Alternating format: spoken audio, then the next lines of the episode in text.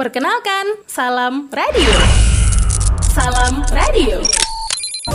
Radio streaming yang menyuguhkan informasi tentang COVID-19 yang sekarang sedang mewabah di Indonesia. Tenang aja, gak usah panik. Mari bersama kita wujudkan Indonesia bebas dari zona merah COVID-19. Salam radio dari udara, kita bersama lawan Corona.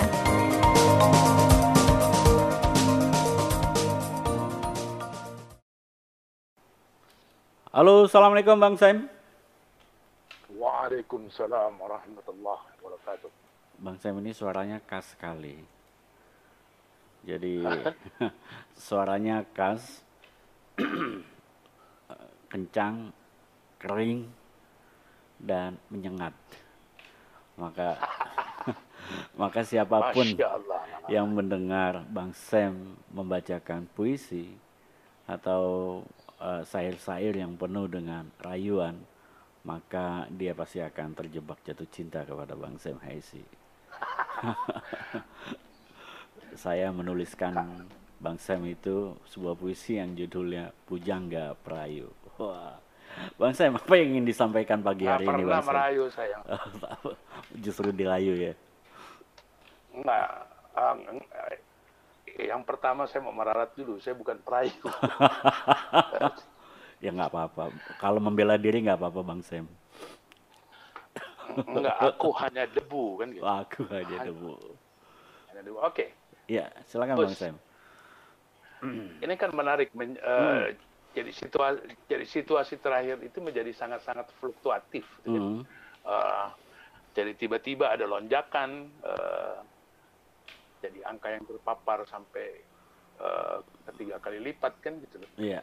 Eh, kalau saya lihat ada beberapa masalah gitu, masalah yang pada saat ini kita hadapi gitu. Hmm, karena banyak klaster baru, Bang.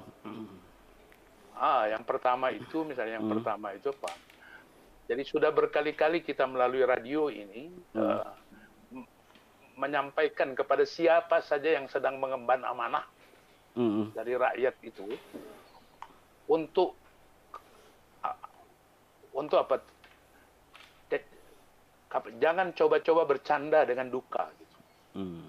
Eh, kemudian yang kedua itu COVID-19 ini jangan main-main gitu loh. Eh, jadi pilihan kita itu kan cuma dua saja gitu, menyelamatkan nyawa manusia karena satu nyawa manusia itu adalah eh, kemanusiaan itu sendiri kan gitu. Kemudian yang kedua, yang kedua kita mesti fokus gitu, fokus bahwa persoalan yang kita hadapi ini adalah persoalan kesehatan gitu. Eh, walaupun kemudian ada dampaknya ke mana-mana. Gitu. Jadi dengan menggunakan sistem logika yang diajarkan oleh eh, kearifan budaya kita itu, eh, jadi saya ambil satu contoh misalnya ada kearifan, jadi kearifan budaya dari Sulawesi kan dia, kemudian ke- dari Ternate dan Tidore yang eh, kita ungkapkan beberapa waktu yang lalu gitu kan. Hmm. Jadi jangan gitu, jangan ketika telapak kakimu apa, gatal, gatal, kemudian yang kau garuk, jadi yang kau garuk itu adalah lenganmu. Eh, jadi kita fokus kepada kepada inti masalah. Karena apa gitu? Karena salah satu ketangguhan yang dimiliki oleh bangsa ini, jadi dari kearifan lokalnya itu adalah keseimbangan harmoni gitu antara nalar, naluri, rasa, kemudian sama eh, sama deria. Gitu. Jadi think, kemudian insting, sense and feel. Eh, jadi tangan kanan kita itu akan-akan sangat otomatis dia menggaruk ke tangan sebelah kiri kita yang apa gatal gitu. Atau ketika dua-dua tangan kita gatal itu, punggung lengan kita gatal misalnya kan. Jadi otomatis kedua lengan ini akan akan eh, akan akan melakukan aksi, itu akan melakukan aksi untuk saling menggaruk satu dengan lainnya, eh, sehingga yang gatal itu hilang. Nah, ada ada hal gitu, ada hal yang menarik itu misalnya apa? Kalau kemarin kita sudah eh, mencoba berinteraksi, mencoba berinteraksi dengan eh, jadi sang hyang siksa kandang ing, ingkaresian eh, yang yang ditinggalkan oleh pajajaran di uh, Pakuan atau di Bogor gitu. Hmm. Sekarang coba kita pergi ke Madura, Gus. Kita pergi ke Madura itu ada yang sangat-sangat menarik gitu. Uh, jadi jangan sekali-sekali iseng gitu, sekali-sekali iseng. Hmm. Uh, jadi tiba-tiba kita uh, mengatakan akan mengen, akan mengendorkan PSBB ketika orang lagi setengah mati untuk menguatkan PSBB ini untuk menurunkan uh, untuk menurunkan angka penularan gitu. sehingga apa sehingga uh, kita bisa mengelola dengan lebih baik itu ya, mereka yang sedang dirawat sambil sekaligus menurunkan angka kematian. Jadi di Madura itu ada nilai yang sangat menarik. Dia katakan itu jadi mon bakna itu be. Jadi sakit ajak nobian orang. Jadi jangan suka iseng gitu loh. Hmm. Jadi jangan suka iseng. Karena kalau jadi jangan suka iseng dengan sesuatu itu kalau kamu tidak uh, tidak tidak mau mendapatkan tulahnya. Gitu. Jadi sama kayak gini lah. Jadi jangan pernah kita men, uh, jadi jangan pernah kita mencubit orang lain ketika uh, kita merasa sakit pada saat dicubit oleh orang lain. Jadi jangan kita mengganggu gitu. Siapa pun dia, walaupun secara struktural barangkali dia dianggap sebagai bawahan, ketika dia sedang berjibaku untuk menyelamatkan rakyat, kemudian diganggu-ganggu dengan apa statement-statement, gitu, hmm. dengan pernyataan-pernyataan yang uh, yang akan menjadi handicap. Kalau kemudian nanti berbalik gitu, kalau nanti kalau pada satu titik itu, pada satu titik ketika semuanya menjadi under stress, kemudian semuanya menjadi under press, kemudian berbalik, jadi bayangkan apa yang terjadi.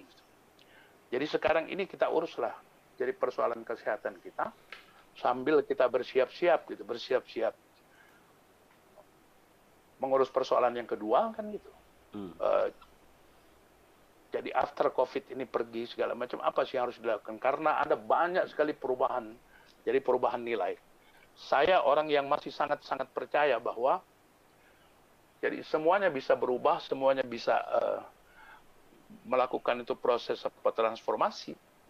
Akan tetapi nilai-nilai kearifan lokal, kemudian nilai-nilai kecerdasan lokal yang pernah dilahirkan oleh nenek moyang kita di negeri ini, kemudian yang sebahagian terbesar itu berpucuk kepada nilai-nilai agama, itu akan akan akan sangat kekal sepanjang apa? Sepanjang semua kita memiliki ilmu yang tidak pernah dipelajari di lembaga-lembaga eh, di lembaga-lembaga pendidikan sampai ke lembaga pendidikan tidak pernah mengajarkan ilmu yang satu namanya ilmu tahu diri nah uh,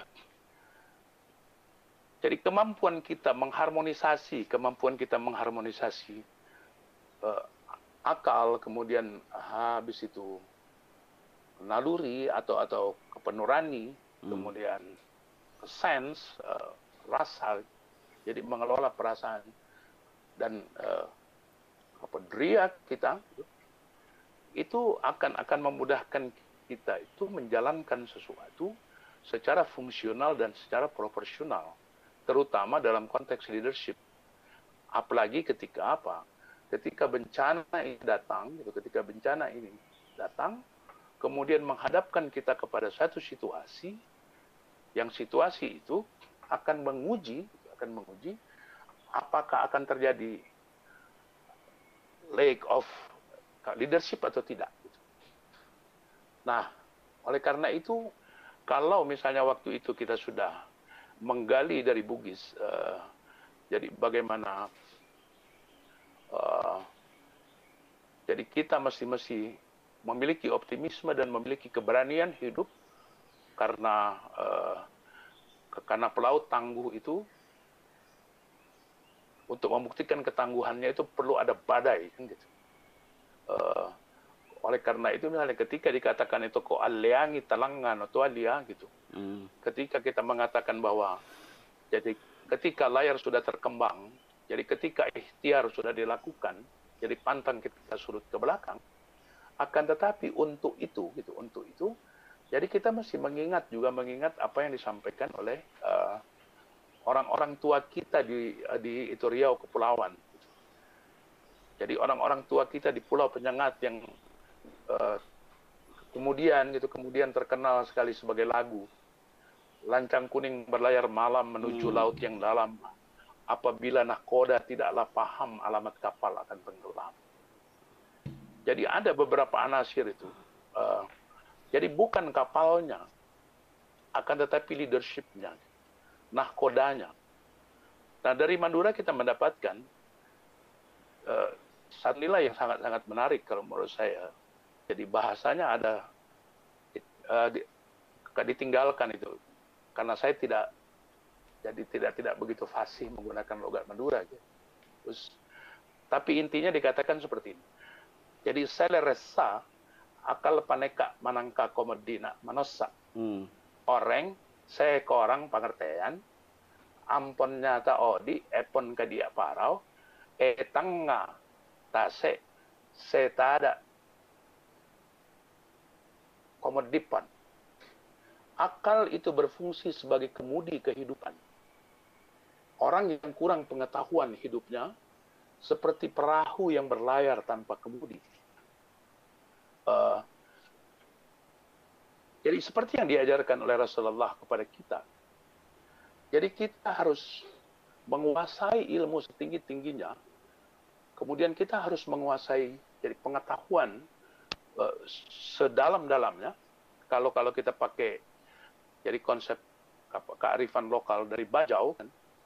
Jadi ilmu yang harus dikuasai manusia itu adalah sedalam dasar samudra kemudian setinggi dan seluas uh, kapal cakrawala karena karena karena Allah memberikan uh, jadi instrumen yang sempurna kepada manusia itu untuk menjawab pertanyaan afala tafakkarun afala takilun afala ya'lamun afala tatakallamun gitu kan gitu. apakah tidak engkau memikirkannya? Apakah engkau tidak menggunakan akal fikiranmu?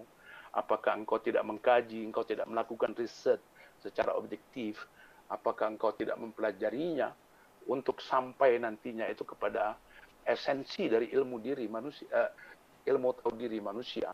Uh, ketika dia sudah sampai jadi di hadapan Allah mengatakan, Ya Allah, I am nobody and I'm nothing. Jadi Allah, aku bukan apa-apa dan aku bukan siapa-siapa. Jadi aku bukan siapa-siapa dan aku bukan apa-apa. Jadi justru pada saat itu, itu pada saat itu, kearifan lokal kita dari beberapa uh, daerah yang kayak pernah kita bahas gitu dari Jawa, kemudian dari dari Aceh, dari Batak, dari Minang, kemudian dari Sunda, dari Melayu, dari Banjar kan sudah kita bahas, kemudian dari Ternate, dari Bugis, dari dari Mandar. Intinya adalah uh,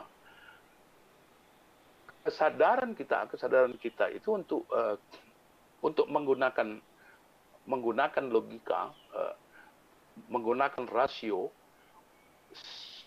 jadi secara secara fungsional dan apa secara proporsional.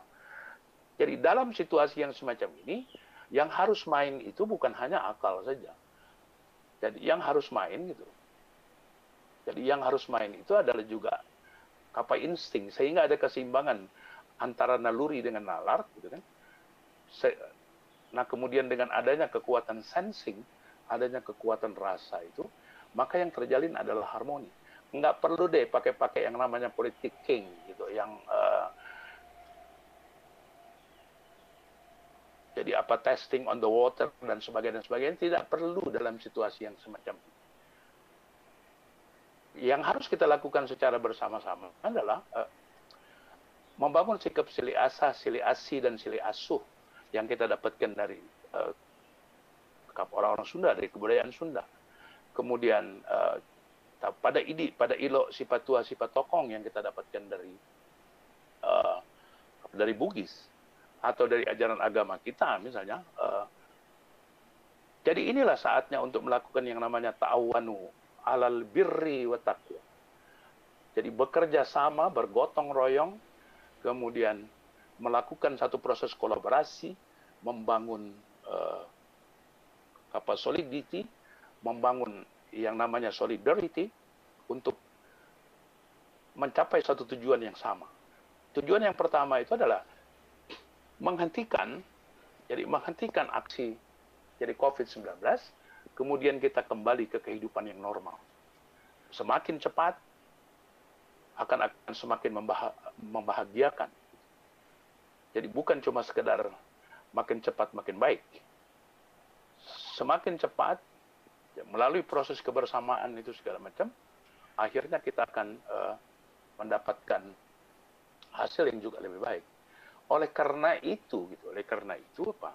Lagi-lagi melalui radio ini kita harus menyampaikan kepada siapa saja, gitu, kepada siapa saja, untuk mendisiplinkan dirinya, mendisiplinkan dirinya itu mulai dari dalam diri sendiri. Yang dimaksudkan disiplin itu bukan cuma sekedar mematuhi jadi segala protokol COVID-19 yang uh, apa diatur dalam PS jadi dalam PSBB akan tetapi juga jadi bagaimana kita menggunakan lidah.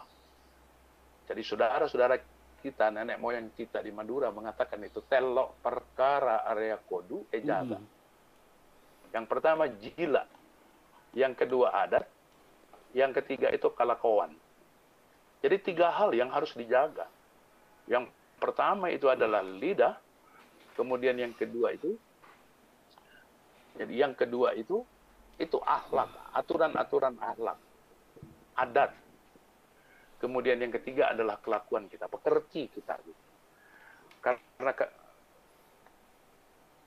untuk apa gitu? Karena apa? Karena kita sebagai manusia itu jadi diberikan alat kelengkapan yang saya katakan tadi itu uh, yang oleh nenek moyang kita dari Madura itu dikatakan ya dikatakan itu jadi sekeba orang anabarna keres tombak pedang kapa jambiya lancor ajam ban salaenna kep sekep kasebut e atas jarea kabitadan saya bisa ngongkoles so kep sekep saya eset butagi eh babarea. Manusia mempunyai macam-macam senjata banyak. Ada keris ada tombak ada pedang ada jembia ada celurit dan lain-lain.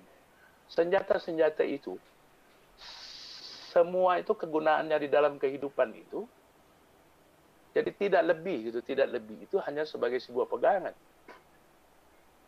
Akan tetapi yang lebih penting dari semua itu adalah senjata.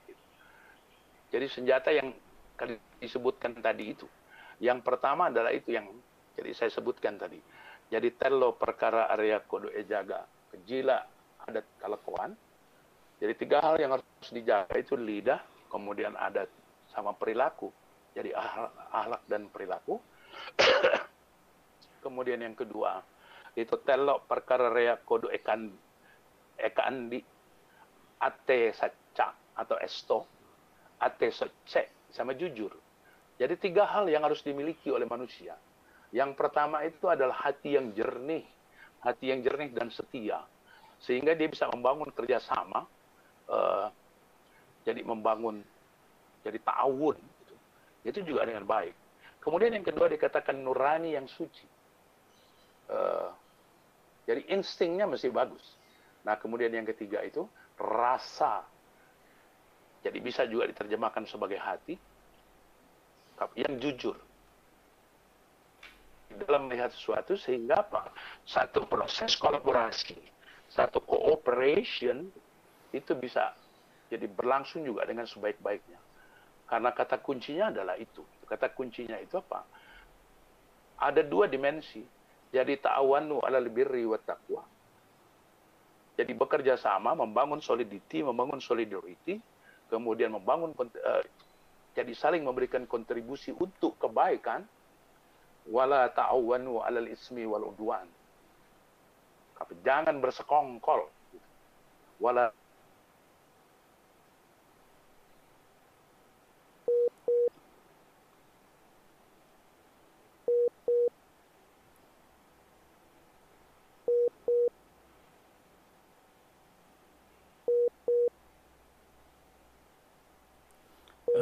maaf pendengar salam radio sepertinya Ya, dilanjutkan Bang. Tadi terputus.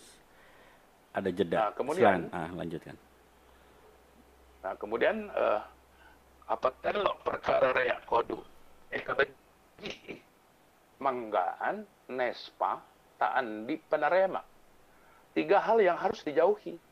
Yang pertama itu hati yang membatu sehingga mudah sekali menganiaya. Hmm. Menganiaya itu bisa-bisa dengan uh, bisa dengan word, bisa dengan kalimat, itu bisa dengan lidah, gitu. Juga bisa dengan sikap. Kita memaksakan kehendak kita, misalnya kehendak kita untuk melakukan sesuatu, maka yang akan terjadi adalah hal-hal yang nggak bagus. Nah sekarang ini kan apa? Jadi gubernur-gubernur kita di seluruh Indonesia ini kan sedang-sedang bekerja setengah mati berjuang mereka gitu. Hmm. Nah sekarang mengapa kita tidak menggunakan? Jadi kita tidak menerjemahkan gitu atau mengaplikasikan, memanifestasikan jadi prinsip-prinsip dasar di otonomi daerah jadi otonomi nyata, luas dan bertanggung jawab. Kita serahkan kepada mereka. Kemudian habis itu kita support rame-rame. Gitu. Jadi support rame-rame supaya apa? Karena sebenarnya kan sumber masalahnya bukan di daerah. Hmm. Jadi sumber masalahnya itu karena kita tidak siap-siapa ketika baru muncul isu kan gitu loh. Jadi kita anggap uh, jadi virus ini main-main saja segala macam sehingga Jakarta kemudian uh, menjadi epicentranya gitu kan. Kemudian bergerak orang dengan mobility, dengan pesawat, dengan kapal laut, dengan dengan kereta api, dengan dengan kendaraan darat dan sebagainya dan sebagainya, sehingga menyebar dia ke mana-mana. Nah, oleh karena itu sekarang ini kasihlah kesempatan itu kepada kepada para kepala daerah yang juga dipilih langsung oleh rakyat itu, yang memiliki authorize juga gitu, untuk mereka itu melakukan upaya-upaya yang mereka pahami. Gitu. Jadi tugas kita itu adalah uh, jadi memberikan supporting Nah, oleh karena itu beberapa waktu yang lalu, beberapa malam yang lalu, gitu, beberapa malam yang lalu, jadi dalam dalam jadi dalam forum uh, apa video conference dengan beberapa teman itu dengan anggota DPR apa segala macam, saya sampaikan. Jadi sekarang ini misalnya apa? Tolong dong difungsikan itu Menteri Dalam Negeri gitu kan gitu. Hmm. Yang selama ini tidak kedengaran gitu kan. Jadi walaupun komando itu ada di uh, di gugus uh, apa gugus tugas itu segala macam akan tetapi menteri dalam negeri ini memiliki function untuk melakukan koordinasi di dalam menyelenggarakan otonomi daerah. Nah, sehingga apa? Sehingga akan muncul inisiatif inisiatif yang muncul dari daerah dan Indonesia ini luar biasa kayanya, Gus. Luar hmm, biasa hmm, kayanya hmm, dari jadi memiliki macam-macam cara dari kearifan lokalnya, dari dimensi kebudayaannya sehingga kita harus yakin juga pada diri kita itu bahwa kita bisa memecahkan masalah. Apa kawan-kawan kita di daerah itu memiliki juga kemampuan yang sangat luar biasa. Jadi jangan selalu melihat segala sesuatu dari Jakarta menurut saya. Karena teman-teman yang di daerah itu, jadi bedanya itu cuma, jadi bedanya mereka ada di daerah, kemudian kita ada di Jakarta. Hmm. Tapi dalam, tetapi masing-masingnya gitu, masing-masingnya itu memiliki dimensi kearifan dan kecerdasan budaya gitu kecerdasan budaya yang bisa mereka pergunakan itu untuk uh, untuk mengatasi masalah. Nah seperti tadi, uh, nah yang berikutnya itu, yang berikutnya itu nenek. Jadi nenek moyang kita dari Madura mengatakan, apa telok perkara rea kodu engguna saroju, kemudian yang kedua itu kabungaan ate, kemudian yang ketiga itu kasenengana ate tiga hal yang harus mendapatkan porsi. Yang pertama itu apa? Menjunjung tinggi musyawarah, Gitu. Hmm.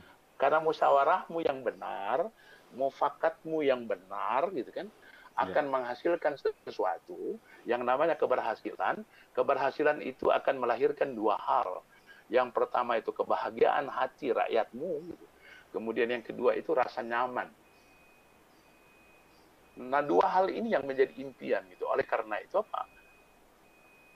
Diperlukan gitu di uh, diperlukan reposisi gitu, reposisi. Uh, jadi dalam melihat jadi masalah ini jangan lagi kita berpikir jadi kepada program oriented akan tetapi kita berpikirnya itu kepada people uh, jadi people oriented jadi bukan kepada apa program centric akan tetapi kepada people centric need want dan interestnya people itu apa sehingga program ini masih mengikuti ke situ karena apa karena tiba-tiba kita terkejut itu pada saat kita tahu ketika Gubernur Jawa Barat mengatakan bahwa yang mendaftar untuk mendapatkan bantuan itu jumlahnya berapa puluh juta. Gitu. Hmm.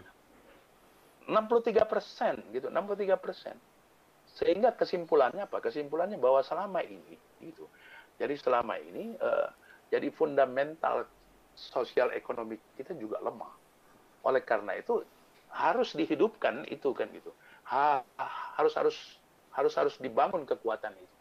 Yang mengerti adalah teman-teman yang setiap hari berinteraksi kan. Nah, oleh karena itu apa? Ini yang penting harus uh, harus harus diperhatikan. Uh, jadi yang selama ini menjadi masalah nih Gus. Ya, uh, karena karena kita jadi di satu sisi kita berpacu dengan waktu, kemudian yang kedua jadi kita sudah menuju sudah menuju ke situasi caruk gitu kan kepada satu situasi menuju kebangkrutan kan gitu loh. Sehingga kita sibuk uh, jadi bagaimana memikirkan anggaran gitu kan. Hmm. Karena apa? Karena karena karena kita tidak memiliki kemampuan uh, jadi kemampuan prima untuk uh, untuk untuk untuk melakukan yang namanya finance viability, kemampuan mengelola uang, jadi kemampuan mengelola anggaran. Dan yang ketiga kesehatan. Nah nenek moyang kita dari sana gitu, dari Madura itu mengatakan, jadi telok perkara rea kodu operaya, hmm. jadi opeyara atau omese gitu. Jadi yang pertama itu bakto. Atau sebagian orang mengatakannya baja. Waktu. Kemudian yang kedua apa? Yang kedua itu kabarasan. Hmm. Kesehatan. Nah yang ketiga itu pesek. Kemampuan jadi kemampuan uh, mengelola uang, kemampuan mengelola anggaran, atau kalau pakai bahasa kerennya, uh, kalau kalau kalau kalau kita melakukan jadi proses apa transformasi di industri keuangan itu kan ada istilah uh, jadi finance viability. Karena kalau finance viability-nya oke, okay, bagus segala macam, maka persoalan apa pun segala macam bisa bisa diatasi dengan tiga hal menurut nenek moyang kita dari Madura yang harus dipelihara, yaitu waktu, kemudian yang kedua adalah kesehatan, dan yang ketiga adalah kemampuan mengelola uang. Nah, satu lagi, hmm.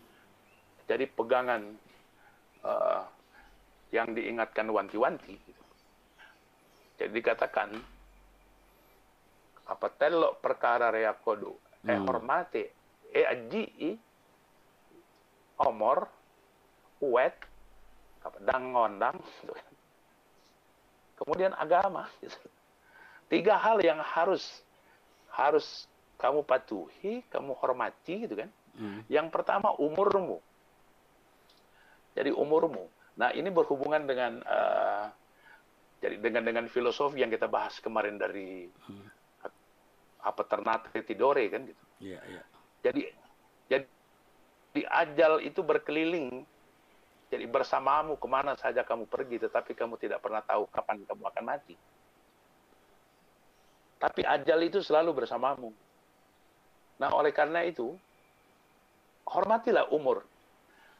Karena pada umur itu, karena pada umur itu Allah menganugerahkan rahmat kepada manusia yang namanya rahmat kecerdasan, rahmat uh, jadi rahmat kebahagiaan, rahmat uh, jadi productivity, rahmat creativity, sehingga kamu memiliki sesuatu, kecuali uh, ya mereka yang main-main sama umurnya itu akan menghadapi satu sindroma yang namanya sindroma eksistensialismus, sehingga dia masih memerlukan macam-macam atribut untuk menyatakan dirinya siapa Kemudian yang kedua yang harus dihormati itu apa? Hukum.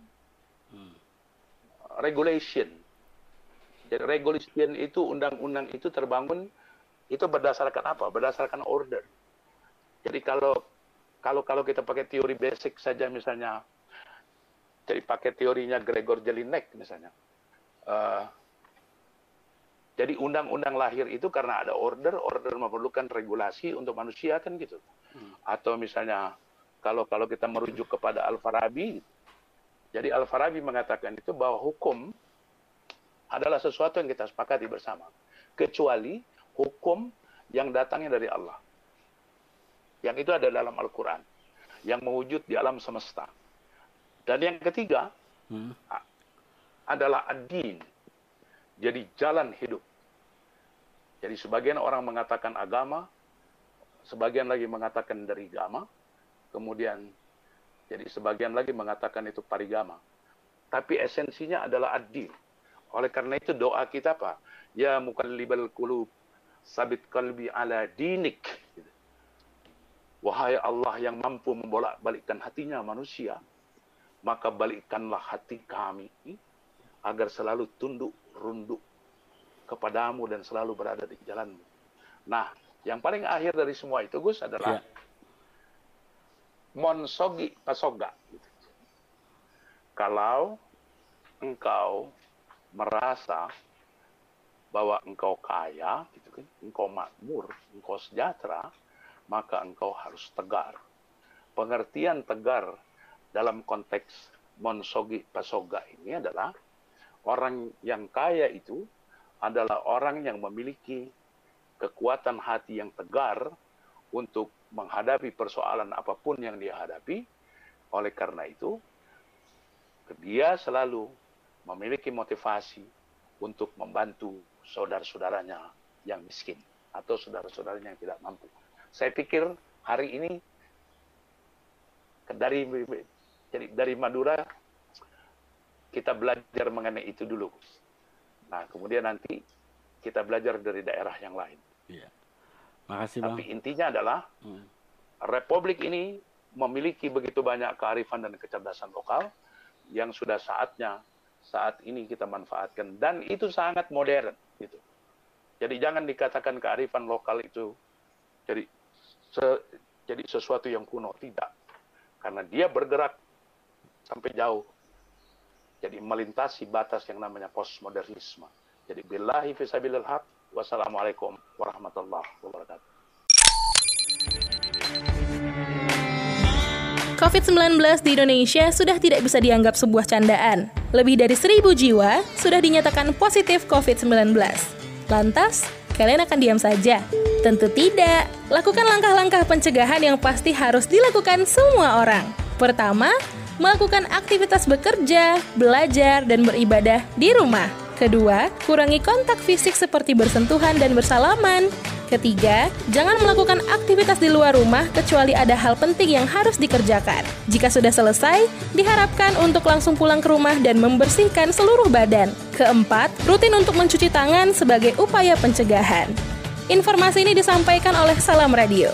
Dari udara, kita bersama lawan Corona.